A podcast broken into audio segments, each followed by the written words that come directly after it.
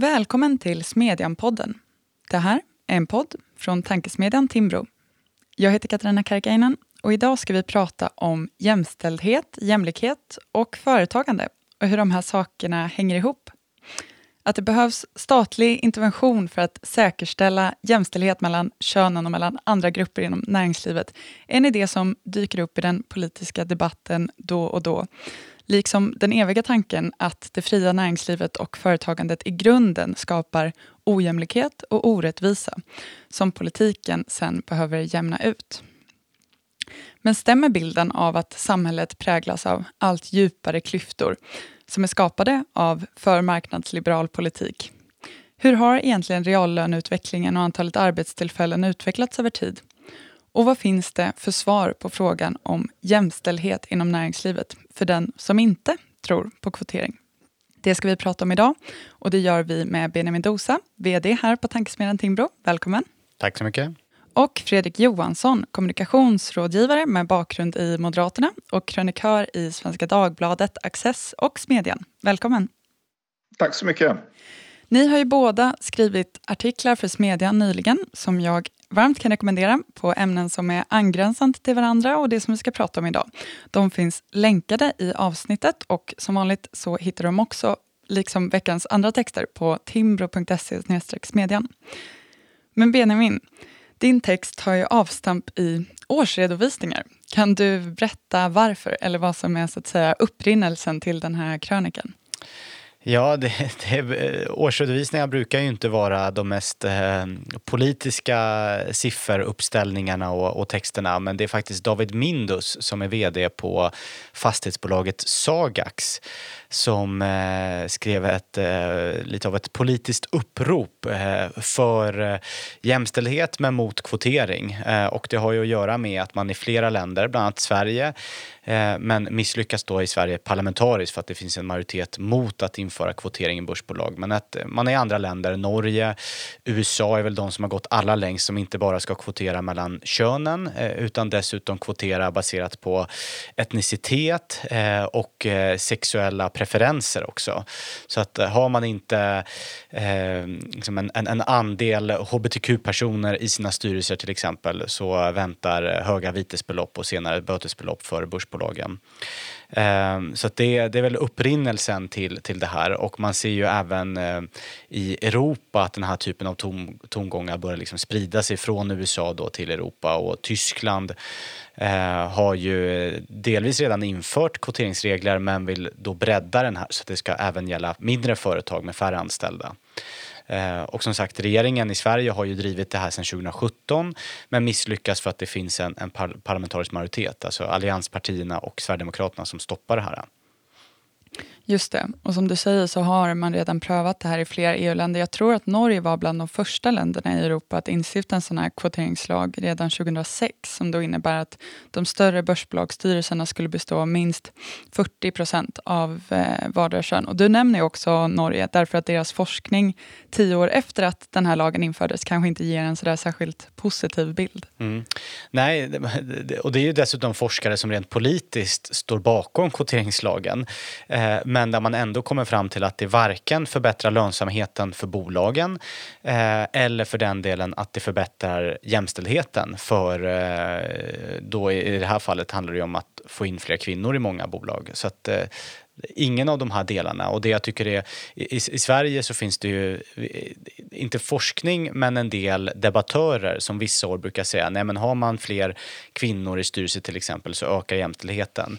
Men det handlar ju mycket om hur börsen har gått det året och vilken typ av bolag. Man kan tänka, generellt sett så har ju eh, retailbolag, alltså eh, handelsföretag, Hennes och Mauritz är väl det, det största exemplet, eh, Fl jämnare könsfördelning mellan traditionella råvarubolag alltså ett stålföretag, Lundin Mining, den typen av företag har ju sämre könsfördelning och de åren där eh, då det, den ena av de här typen av företag går bättre så, så liksom lyfter man ofta fram det här men evidensen säger ju att, att det inte har någon effekt.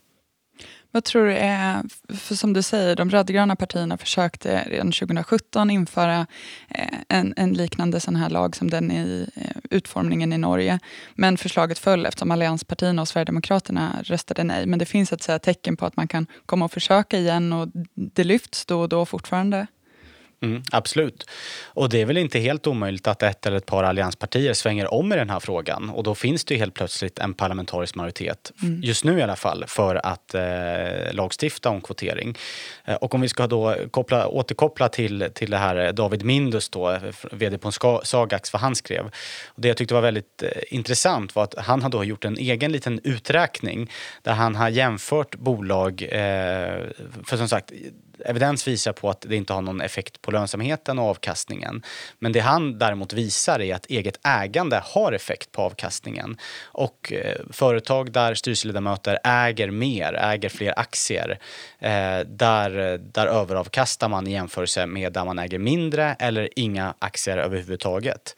Eh, och man ska också, jag, jag tycker så här, man ska ha en positiv grundsyn i grund och botten. I princip allting i Sverige går ju i rätt riktning. Alltså nu, är ju, nu är det ju ungefär 100 000 fler kvinnor än män som tar examen från universitet. Eh, traditionella mansdominerade yrken som e-, ekonomiprogrammet eller juristprogrammet domineras nu av kvinnor. Kvinnor får också högre betyg än männen. Eh, så det här kommer ju över tid jämna ut sig. Eh, och det ser man ju inte minst eh, på ledande positioner. Alltså man inte bara tittar på styrelsepositioner utan på mellanchefsnivå, alltså personer som kanske är 35-40 idag och som om 10, 15, 20 år kan ta styrelseposter eh, så, ökar ju eller liksom jämnas fördelningen ut. Så att liksom marknaden löser det här av, av sig själv kan man säga. Just det, det och det är det du menar när du säger att det som avgör lönsamheten i ett projekt är huruvida personerna har skin in the game och att eget ansvar och eget ägande slår woke-kulturen. Absolut, absolut. Vad tror du då är den politiska lockelsen i sådana här förslag? Att liksom Miljöpartiet är för kvotering kanske inte förvånar särskilt mycket, men, ja, men som vi minns öppnade även Anders Borg upp för kvotering till bolagsstyrelser under sin tid som finansminister. Hur, hur ska man förstå det? Jag tror att politiker sitter väl och funderar på vad, vad kan vi göra här och nu? Eh, och det är klart att eh, på detaljnivå styra exakt vem man ska rekrytera till mellanchef, det är ju ganska ingående ingrepp i äganderätten. Det är ju för sig hur man ska fördela styrelseposter också, men det blir ju liksom som, som många an, på många andra politiska åtgärder en liksom symbolåtgärd som är ganska enkel politiskt att införa och som man ganska snabbt kan peka på. Titta vad vi har infört. Jag menar, det ser vi vi på massa politiska områden, klimatpolitiken om inte annat. Där man liksom, eh, vi inför den här plastpåseskatten, det liksom känns bra i magen, plastpåsar är dåliga, ja jo. Och sen så har man kanske inte räknat på det och tänkt eh, liksom, steg två, steg tre, steg fyra vad som händer.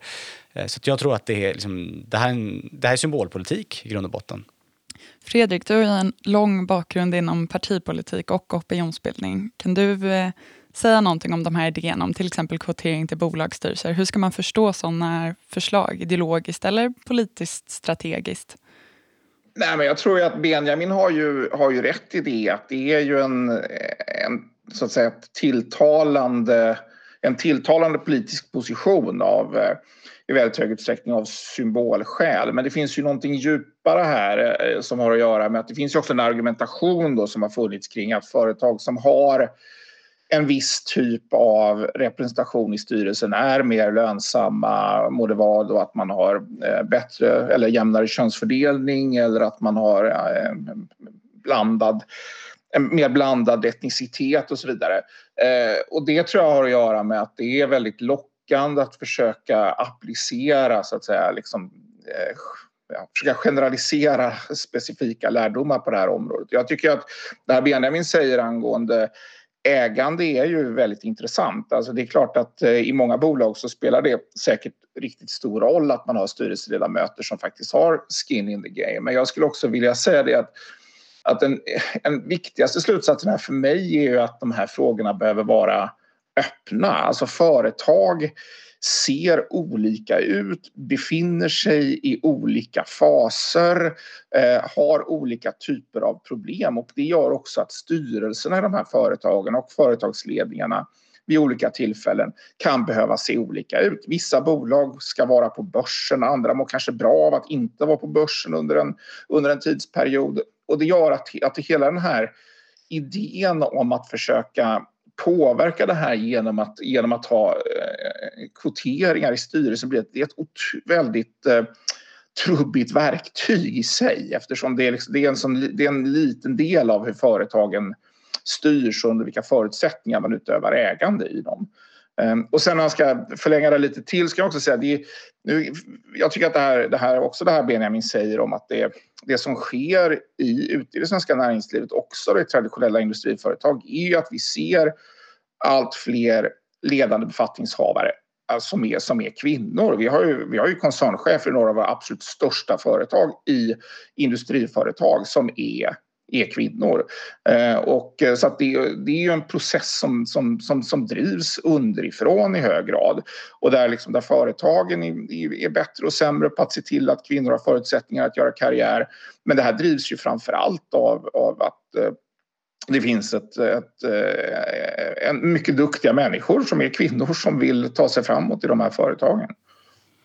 Det visar ju också på en ganska fundamental värderingsmässig skillnad också. Vad är företagens syfte? Är ett företags syfte att generera maximal avkastning till eh, sina aktieägare? Eller är, och de som i sin tur äger företaget, ska de i princip få, få göra vad de vill med sitt eget företag även om det då innebär att man vanskötter det och inte genererar maximal avkastning? Eller är företagens huvudsakliga syfte att eh, liksom brett förbättra samhället och eh, därmed också spegla samhället. Precis, alltså det, I grund och botten det kanske inte är så stor skillnad mellan ett företag och en, en myndighet eller liksom en, en kollektiv eh, förening. Eh, och jag menar, det här är ju verkligen en klassisk höger-vänster-fråga som som så tydligt skiljer. Jag, menar, jag tror många miljöpartister i grund och botten har en ganska positiv syn på företag men man man, man liksom ändå tycker att företagen har ett eh, mycket bredare ansvar. Eh, liksom att, att, eh, man kanske till och med kan lagstifta om att alla företag eh, har ett ansvar att liksom lyfta hbtq-personer och se till att eh, eh liksom lyfta jämställdheten brett i, i samhället. Liksom den typen av mål man kanske skulle ha på, på liksom en, en myndighet som jobbar med ungdomsfrågor. Jag tänker också att era texter eh, om kvotering respektive då ekonomiska klyftor till viss del speglar olika delar av den intellektuella och partipolitiska vänstern. Det finns vissa som bryr sig mycket om jämställdhet, inkluderingsfrågor, att främja olika grupper som faller inom något slags intersektionell analys och det finns vissa som prioriterar den här mer klassiska marxistiska analysen av ekonomi och, och jämlikhet. Och du skriver i din text Fredrik om att vänstern vill få det kommande valet att handla om två saker. Att vårt samhälle har försvagats av en alltför liberal politik, att den starka staten behöver återuppbyggas och att vi slits sönder av allt djupare ekonomiska klyftor som också är skapade av den här marknadsliberala politiken. Och att mycket av det i din mening bygger på ett narrativ som i sig är falskt. Vill du berätta lite om det? Ja, alltså man ska ju inte underskatta att det både finns eh, problem som har kommit i dagen genom pandemin som har att göra med vårt samhälles robusthet och resiliens och så vidare. Eh, och man ska heller inte underskatta att det, att det, att det inte är helt oproblematiskt att det uppstår stora ekonomiska klyftor i ett samhälle. Eh, och båda de här fenomenen är ju värda att ta på, ta på allvar men det sätt som de diskuteras och beskrivs Ehm, är ju inte särskilt övertygande och tror jag, eh, vilket jag också skriver i artikeln, riskerar att leda till att bägge dessa eh, problem, och i den mån de eh, finns, kommer att förvärras. Alltså vad gäller robustheten och resiliensen i samhället under pandemin så eh, får man inte glömma bort det att ett, en viktig förklaring till att saker och ting har snurrat på ändå rätt hyggligt är att vi har ett näringsliv som sköter Eh, produktion och distribution av varor. Vi hade en hamstringsvåg i inledning av, eh, av pandemin och den framstod, framstod i efterhand som, som, som närmast löjlig eftersom då eh, både producenter av allt från livsmedel till toalettpapper och distributörer och detaljhandeln liksom klarade av att hantera detta.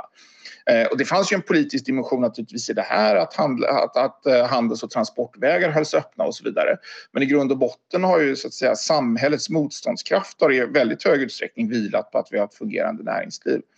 I den andra delen så har vi en diskussion om klyftor som då bortser ifrån det som är det verkliga samhällsproblemet. Att vi har flera hundratusen människor som då inte Eh, kan försörja sig själva. Eh, vi har eh, med alla rimliga mått mätt en, en, en ökande, ett ökande utanförskap. Eh, och det är ju den stora klyftan i, i, i, i Sverige. Att det vill säga att det finns en klyfta mellan de som har ett arbete med allt vad det innebär både socialt och ekonomiskt och inte minst i att vara en del av så att säga, den Eh, den allmänna ekonomiska utvecklingen. Alltså det är ju att, vara, att ha ett jobb är ju en del av eh, att vara med på, så att säga, på den resan. Eh, och det där pratar vi inte så mycket om utan den stora debatten ska nu ligga då på, på frågan om huruvida förmögenhetsklyftorna har ökat för mycket vilket då i sin tur, vilket också visar i artikeln eller som, som flera andra har visat betydligt bättre än vad jag har gjort hänger samman med, med utvecklingen på bostadsmarknaden i väldigt hög utsträckning. Och den har ju, hänger i sin tur i med samman med att, med att bostadsmarknaden inte, inte, inte fungerar.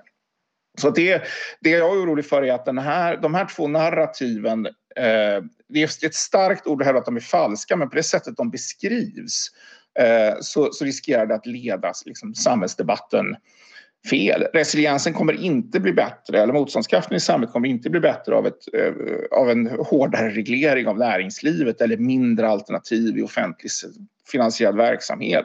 Och lika lite kommer så att säga, de reella klyftorna och sociala spänningarna i landet minska genom att man eh, inför, eh, inför höga skatter på, liksom på investeringar, sparande eller, eller utbildning. Ja, men vi kanske ska stanna lite vid just den här Eh, bilden av de växande ekonomiska klyftorna. Då. För det är ju ändå, eh, verkligen som du säger, inte ett icke-existerande problem. så att säga. OECD och SCB lyfter både upp det och det finns eh, nya studier på att det går i, i fel riktning i, i Sveriges fall. Ehm, men ni eller vi kanske skulle beskriva det så att säga, på ett annat sätt än den vänster som du skriver om, Fredrik. För även om Sverige är ett av världens mest jämlika länder när det kommer till att vi har menar, en sammanpressad lönestruktur, så har vi ju stora problem idag, framförallt de senaste åren, med social rörlighet. Och kanske delvis på grund av just den här lönestrukturen så finns det väldigt stora klyftor till de som står utanför arbetsmarknaden, bostadsmarknaden, en annan väldigt del av det här. Och utbildningspolitiken naturligtvis. Ja, om, om så här. Ja, har den sociala rörligheten utvecklats i fel riktning senaste 5-10 åren? Ja, men jag skulle ändå om man vänder på frågan, Sverige är fortfarande ett av de länder i världen som det är lättast att göra klassresor i. Så att vi ska heller inte måla fan på väggen så att säga. Jag skulle säga att eh, de här klyftorna, det är liksom i grund och botten två problem. Den är, och liksom, vi har varit inne på båda. Den ena är integrationsfrågan, för att det handlar ju, de här hundratusentals människorna som befinner sig i utanförskap, det är ju i stor utsträckning eh, invandrare, om man ska vara krass. Eh, och det är väl eh, ungefär 800 000 som inte är självförsörjande. Eh, och där kan man ju se forskningsmässigt också att eh, barn till föräldrar som lever i utanförskap och i bidragsberoende är mer, det är mer sannolikt att de själva hamnar i bidragsberoende. Och det är klart att där är det ju Eh, liksom, eh, traditionella eh, borgerliga reformer som behövs. Alltså krav på motprestation, lägre bidragsnivåer. Liksom, vi pratar väldigt lite om liksom, hur sänker man människors reservationslön, alltså vad är den lägsta tänkbara lönen man kan, man kan tänka sig att ta, ta ett jobb för. Hur, hur, jag menar, det, det hakar ju in hela den här diskussionen om arbetskraftsinvandringen eh, när, när Ulf är ute och säger att ja, men hur, hur kan det komma sig att SCA inte lyckas hitta eh, trädplanterare och, och, och bärplockare i Sverige? Ja, det handlar ju om att våra bidragsnivåer är alldeles för höga i grund och botten. Så att kan man få in fler människor på arbetsmarknaden så kommer ju eh, liksom, den sociala rörligheten även där att öka. Och tittar man Alliansens 06 eh, till 14 så ökade ju klyftorna förvisso, alltså inkomstskillnaderna, men den sociala rörligheten ökade också eftersom man lyckades få in människor som i ganska många månader och kanske år eh, som var i bidragsberoende in på arbetsmarknaden. Den andra frågan handlar ju om, och det är ju i grund och botten inte politiskt styrt, det är ju räntepolitiken. Det är Riksbanken mm. och centralbanker i liksom hela västvärlden som har tryckt pengar och så har vi inte sett en liksom KPI-driven inflation utan tillgångspriserna har rusat. Vilket då, och det här är ju ett reellt problem för många, framförallt ungdomar. Man kanske kommer in på sin drömutbildning i Uppsala, Stockholm, Lund och så nu har man liksom inte råd. Eh, man har inte stått i kö i 15 år och man har inte råd att köpa en bostadsrätt och man har inte föräldrar som har råd att köpa en bostadsrätt. Vad ska de människorna göra? Eh, ja, då kan man ju antingen säga att reglerade hyror och reglerat eh, liksom bibehållet planmonopol och vi liksom fortsätter som vi alltid har gjort som vänstersidan gör i grund och botten, men bara häller ännu mer pengar på det, vilket inte har löst någonting. Det är en väg. Eller så då avreglerar man mer. Um, så att så här, det, här har ju liksom... Det, det, jag, som, som liberal ska man heller liksom inte eh, helt mörka eh, det här, tycker jag. Nej, men jag håller med om det och det är klart att det, menar, de här klyftorna kommer ju att ökat ännu mer under, eh, under det här senaste halvåret. Jag menar, villapriserna i vissa storstadsområden har gått upp med över 20 procent. Eh, och det är klart att det är ju, eh, det är på pappret innebär det att ganska många personer har blivit, har blivit förmögna men detta är ju inte, det är ju inte eller blivit ytterligare förmögna. Men detta innebär ju inte att det råder en sorts Eh, eh, freewheeling rövarkapitalism där det skapas, eh, där det skapas förmögenheter, förmögenheter som är, som är orättfärdiga eller som är genom liksom, företag som driver orättfärdig verksamhet utan det här är ju konsekvenser, som, som, som Benjamin säger, konsekvenser av av den penningpolitik som har bedrivits och de regleringar vi har på bostadsmarknaden, då blir, då blir det så här. Eh, och sen på arbetsmarknaden, det är klart att det, jag tror att det här kommer bli en jätteutmaning att få in de här personerna i, som nu står utanför på, på arbetsmarknaden. Men den långsiktiga frågan om att hantera det som i verklig mening är ett problem med klyftorna i Sverige kommer att kräva att, att de här eh, ja, det är 700 000 som då är eh, utrikesfödda vuxna som inte är självförsörjande eller 800 000 heltids tjänstemotsvarande som då befinner sig i, i utanförskap lite grann beroende på hur man mäter. Men om man inte löser det så kommer ju både de ekonomiska och sociala konsekvenserna av att de här, de här står utanför bli förödande. Så att utmaningen för borgerligheten är ju ännu större än vad det var 2000, 2006. Alltså detta är en helt annan form av omfattning på utanförskap och också struktur på utanförskap som behöver behöver, behöver hanteras. Och jag håller också med, det, det kommer kräva åtgärder både på skattesidan, på, eh, på bidragssidan för att, för att stärka incitamenten att försörja sig. Men det kommer också kräva reformer på, eh, som, som stärker företagandet så att man får, i, får igång en efterfrågan på den här arbetskraften också. Ja, jag tänker att eh, lite av de sakpolitiska områden som ni har, har tagit upp nu, så att säga, den ena skiljelinjen och den andra, den som du skriver om Fredrik, handlar ju om vilken bild man har av vad näringslivet är. Och den skiljelinjen blir ibland särskilt tydlig. Nu tänker jag på den här texten ur Arbetet som du hänvisar till, där Daniel Svedin som är chefredaktör och fram till nyligen var talskrivare åt statsminister Stefan Löfven skriver, och det blir ett lite långt citat här nu, så häng med. Man kan till exempel vara fastighetsmagnat. Det betyder att man köper upp billiga lokaler och fastigheter och väntar på att priserna ska stiga. Man kan också vara en så kallad finansman. Det betyder inte sällan att man föds in i rikedom och därmed har ett kapital som man kan använda för att starta en hedgefond eller ett riskkapitalbolag. Man kan till exempel köpa upp riktiga företag och sälja ut deras tillgångar till högstbjudande. Eller så är man välfärdsdirektör, köper en vårdkoncern, får pengar av det gemensamma för att ta hand om gamlingar, men håller nere kostnaderna genom att underbemanna verksamheten. Det är så man blir rik, genom att ta kontroll över sånt som folk behöver eller vill ha. Fastigheter, mark, välfärd, infrastruktur, handelsvaror, immateriella egendomar. Sen hittar man på ett sätt att ta ut rejäla avgifter om någon vill nyttja dem. Slutcitat. Vad säger ni om den här bilden? Nej, det är väl mer hederligt att bli rik på sossarnas lotteri istället. Tänkte jag bara säga. Nej, men nu är inte, nu är inte han här och kan försvara sig. Jag tänkte... Ja, det här är, det blir ju, det, han skriver ju raljant och han försöker väl göra, göra en poäng. Men det är ändå en beskrivning, tycker jag, av företagande som, är, som jag tycker är lite, är lite oroväckande och som jag ändå upplever att man man går tillbaka till en retorik som vi faktiskt inte riktigt har sett på det här. Alltså sånt här har ju alltid förekommit men, men den här beskrivningen av näringslivet som en i huvudsak parasitär eller till och med liksom djupt omoralisk verksamhet är, eh, tror jag är, är, säger någonting om vad delar av den svenska vänstern är på väg och det kommer få riskera att få konsekvenser kring, ja, för den politik man bedriver. Alltså de stora förmögenheter som har skapats i det här landet under de senaste decennierna det har, det har handlat om entreprenörskap och innovation och det är ju inte bara vackra ord utan det, är ju, det handlar ju om företag som då har, har ja, förändrat hur marknader fungerar eller hittat efterfrågan på saker och ting som människor som inte fanns tidigare. Eh, så att hela den här beskrivningen av att, av att, av att företagande är, är, någon, är liksom, det, det verkar väldigt lätt att bli rik dessutom, alltså förutom det att man behöver födas eh, till finansman. Så är det, det är, jag, jag tycker att det, det är låter inte så jobbigt. Nej, det gör ju inte det. Och det, jag menar, det finns ju liksom folk som eh, har, eh, har det mer eller mindre jobbigt som entreprenörer men det, är ju, det finns ju tiotusentals företagare i det här landet som, liksom, som, som sliter 60, 70, 80 timmar i veckan för att få saker och ting att gå ihop. Och det är liksom den här beskrivningen av vad, vad de håller på med eh, om den sätter sig så jag är rädd för att det kommer leda till Eh, Eh, det riskerar att leda till, till en syn både på företagande, beskattning och ägande och regleringar som, som, som gör att vi, vi riskerar att vrida klockan tillbaka liksom decennier.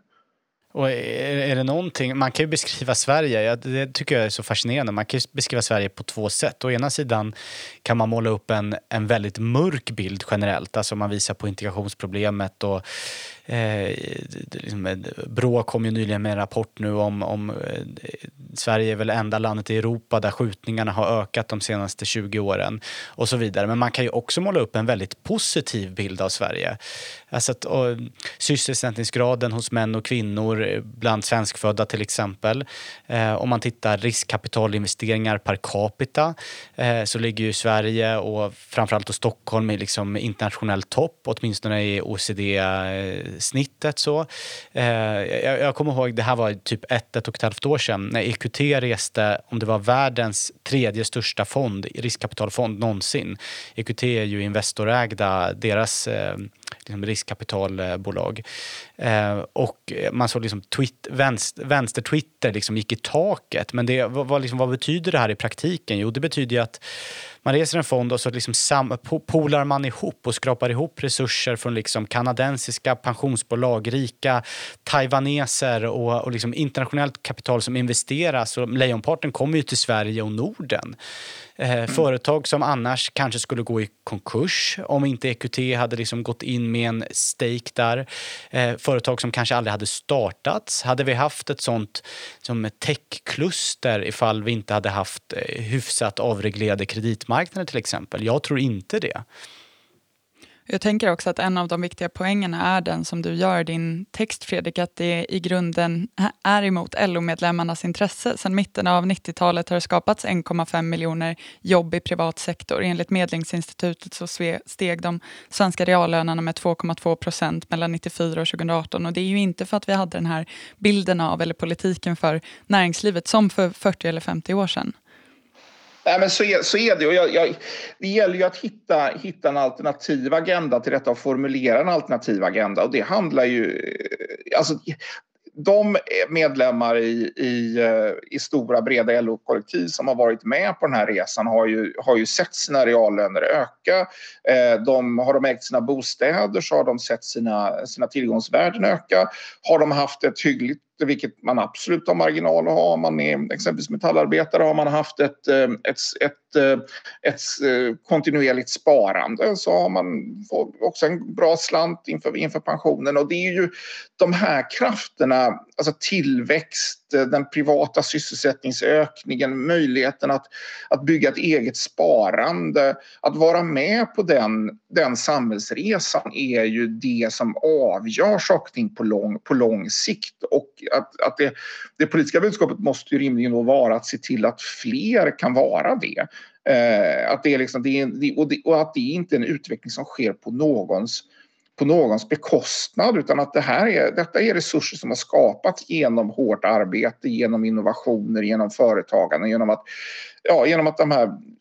Att vi, vi hade under en period från mitten på 80 till mitten på 90-talet när man genomförde ett stort antal framåtsyftande reformer. Och vi hade en ny reformperiod som var kopplad till arbetsmarknaden under, under alliansåren och detta har, har haft avgörande betydelse för för de ekonomiska förutsättningarna för miljoner svenskar på ett positivt sätt. Och det är att man, inte, att, att man tar, kan ta till sig det och, och dra liksom den politiska slutsatsen att detta måste tillgodogöras fler är, genom att de får vara med på den här, på den här utvecklingen. Det, det, det oroar mig. Och att man istället då riktar in eh, den här retoriken mot, mot näringslivet och mot företagare.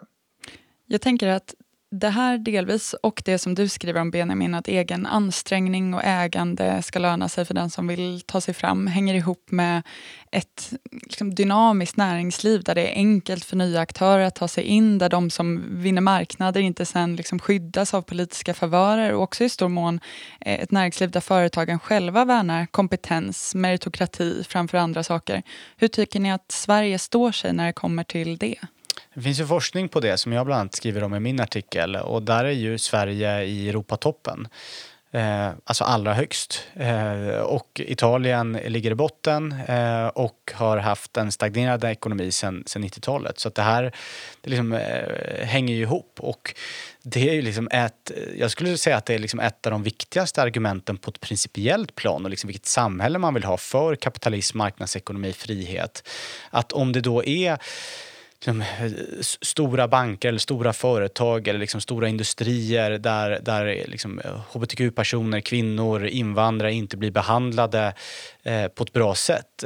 Då kommer liksom, nya aktörer växa fram och kan liksom locka till sig de här människorna. Och, eh, om man är en kvinna och vill göra karriär och är missnöjd för att man blir dåligt behandlad av sina chefer, ja då finns det konkurrenter att välja på också. Eh, till skillnad från liksom, ett planekonomiskt Sovjetliknande system där man liksom kanske bara har ett statligt bolag och är man inte nöjd med sina chefer så finns inga alternativ.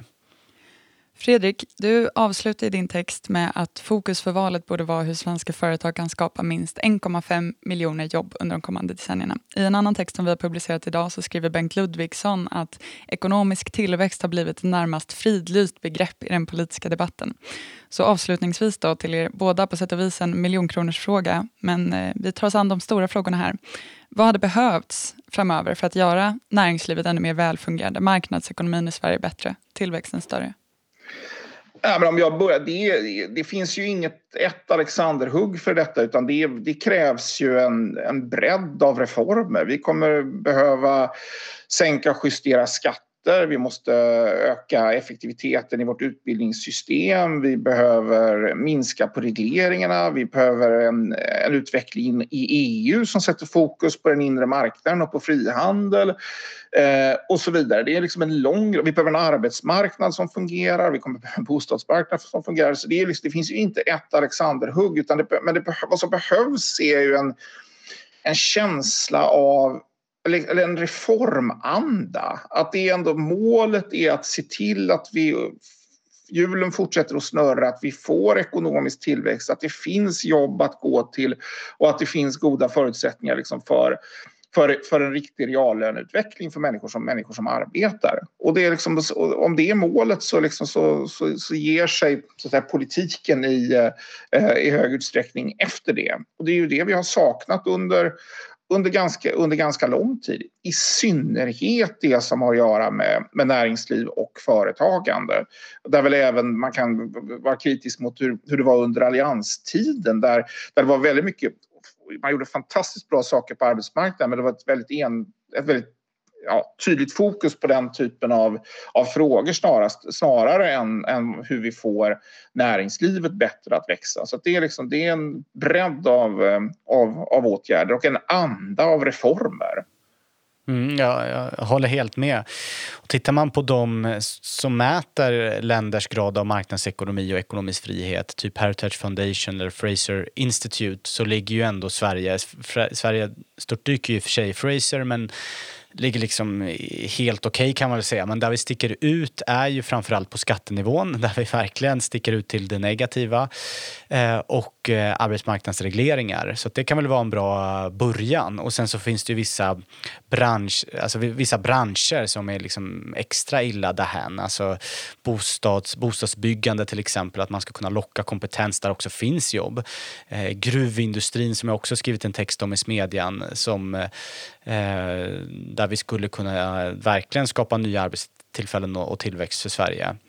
Eh, är ju, är ju några konkreta exempel. Men tyvärr så eh, jag skulle säga just nu med nuvarande politiska ledning så är ju hoten större än möjligheterna och vi rör oss liksom pö om pö. Det är, liksom, det är ingen stor kommunistisk, marxistisk mobilisering men liksom, eh, ofta under liksom klimatflagg kanske, miljöbalken sakta men säkert utvidgas så att färre företag kan, eh, kan bygga ut. Energifrågan är ett annat exempel. Så att det, det är liksom, eh, nuvarande takt är, eller, eller riktning är, är definitivt i fel riktning. Det får nog lov att bli sista ordet. Några trådar för oss att återkomma till och, och starka medskickar från Timbro. Och jag får lov att säga varmt tack till Benjamin Dosa och Fredrik Johansson. Stort tack. Tack, det var kul. Tack också till er som har lyssnat. Alla de texter som vi har pratat om hittar ni på timbro.se smedjan. Om ni har synpunkter eller idéer för framtiden får ni gärna antingen skriva till oss på sociala medier eller mejla smedjan timbro.se. Så vi ses där och hörs igen här om en vecka.